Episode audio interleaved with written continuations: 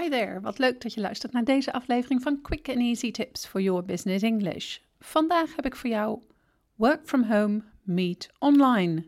Mijn naam is Anneke Drijver van Improve Your Business English en de auteur van het boek Master Your Business English, Communicate with Power in 7 Simple Steps.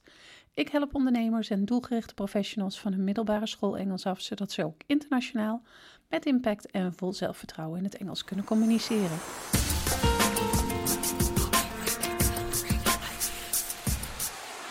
De kans is groot dat je sinds een aantal maanden meer of misschien wel helemaal thuis werkt. Voor het begin van het jaar was het niet meer dan normaal om op zakenreis te gaan of af en toe naar een andere stad, kantoor of zelfs land te reizen voor een vergadering of werkoverleg met internationale collega's. Door de huidige omstandigheden is de kans echter groot dat het ontmoeten van zakenrelaties online gaat. Gelukkig gaat dit best eenvoudig via online videotools zoals Skype of een ander programma. Het houden van een virtuele meeting gaat echter anders dan een normale vergadering of werkoverleg. Natuurlijk gebruik je veel dezelfde skills, zoals bepaalde Engelse gespreksvaardigheden, maar in praktijk zal de uitwerking hiervan toch net wat anders gaan. In deze podcast geef ik een aantal tips om een online Engelse meeting zo effectief mogelijk door te lopen. Here we go. Tip 1. Set some ground rules. Allereerst begin je met het vaststellen van een aantal regels die van toepassing zijn bij het houden van een online Engelse vergadering. Deze regels kunnen variëren. Het kan zo simpel zijn als gebruik de microfoon van oordopjes of een koptelefoon om duidelijk verstaanbaar te zijn tot zet je microfoon uit als je niet praat. Denk voor dat de vergadering begint goed na over welke ground rules belangrijk zijn. Deze kan je op de volgende manier introduceren. Before we start, I would like to introduce some ground rules for this meeting. I've set up some ground rules in order to make this online meeting as smooth as possible. I'd like to ask for your attention as I have a set of ground rules that I would like to discuss. Tip 2. Mind technical difficulties.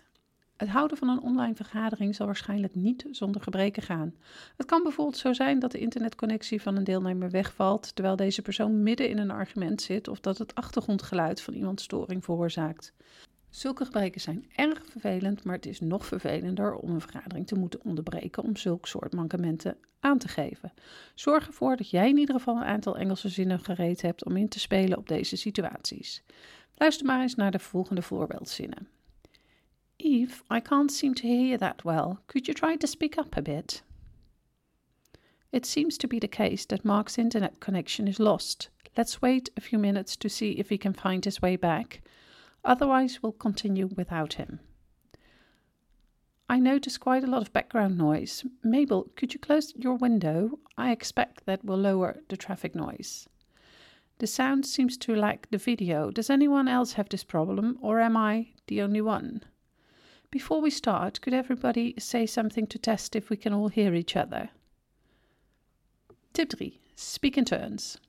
Tijdens normale vergaderingen kan het erg lastig zijn om iemand te onderbreken of een argument toe te voegen aan het gesprek. Bij een online meeting is het nog moeilijker omdat je de deelnemers van de vergadering minder duidelijk kunt zien. Het is hierdoor bijvoorbeeld lastiger om in te schatten of iemand van plan is iets te zeggen of niet.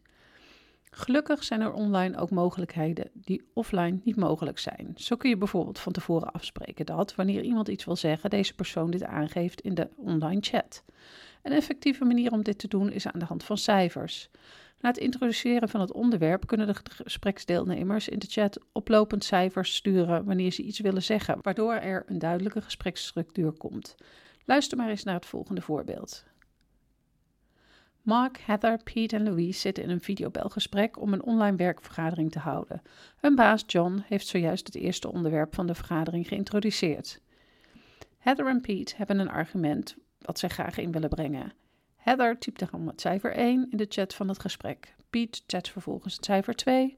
Gespreksleider John controleert de chat en ziet dat Heather het cijfer 1 heeft gereageerd, waarna hij Heather vertelt dat zij haar argument mag inbrengen.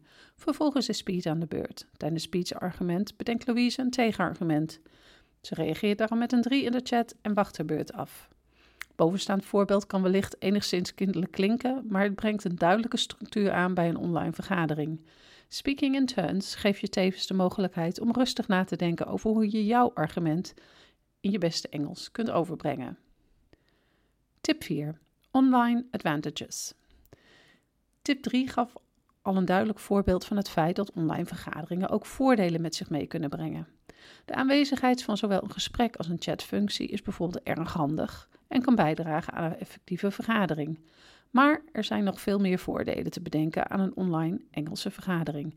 Heb je bijvoorbeeld moeite met het bijhouden van het moeilijke Engelse taalgebruik van die ene collega uit de Verenigde Staten? Houd er een online woordenboek naast en zoek de betekenis van woorden die je niet kent binnen een mum van tijd op.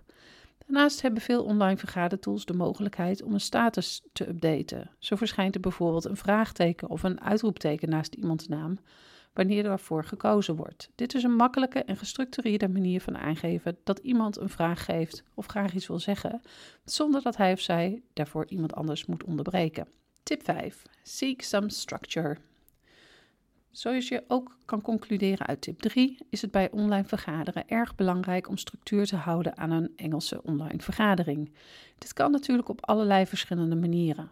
Als chairperson is het voornamelijk belangrijk dat je duidelijk bent. Maak bijvoorbeeld een PowerPoint-presentatie met de verschillende vergaderpunten en zorg dat iedereen deze voor zich heeft bij de vergadering. Structuur is niet alleen fijn, maar het vergroot ook de rust in een Engelse online vergadering. Hierdoor is de kans groot dat jij en de andere deelnemers meer ruimte hebben om op een duidelijke en effectieve manier te vergaderen. Gebruik deze tips om extra structuur toe te voegen aan de vergadering en wees niet bang om een leidinggevende rol op je te nemen om de structuur te waarborgen. Good luck! Als je deze aflevering hebt geluisterd, zou ik het enorm op prijs stellen als je een review voor ons zou willen achterlaten op SoundCloud of iTunes. Dit helpt anderen weer om onze podcast te vinden en daarmee hun Engels te verbeteren. Ben je op zoek naar meer manieren om jouw zakelijk Engels te verbeteren? Bezoek dan onze website www.improveyourbusinessenglish.nl. See you next time met quick and easy tips for your business English.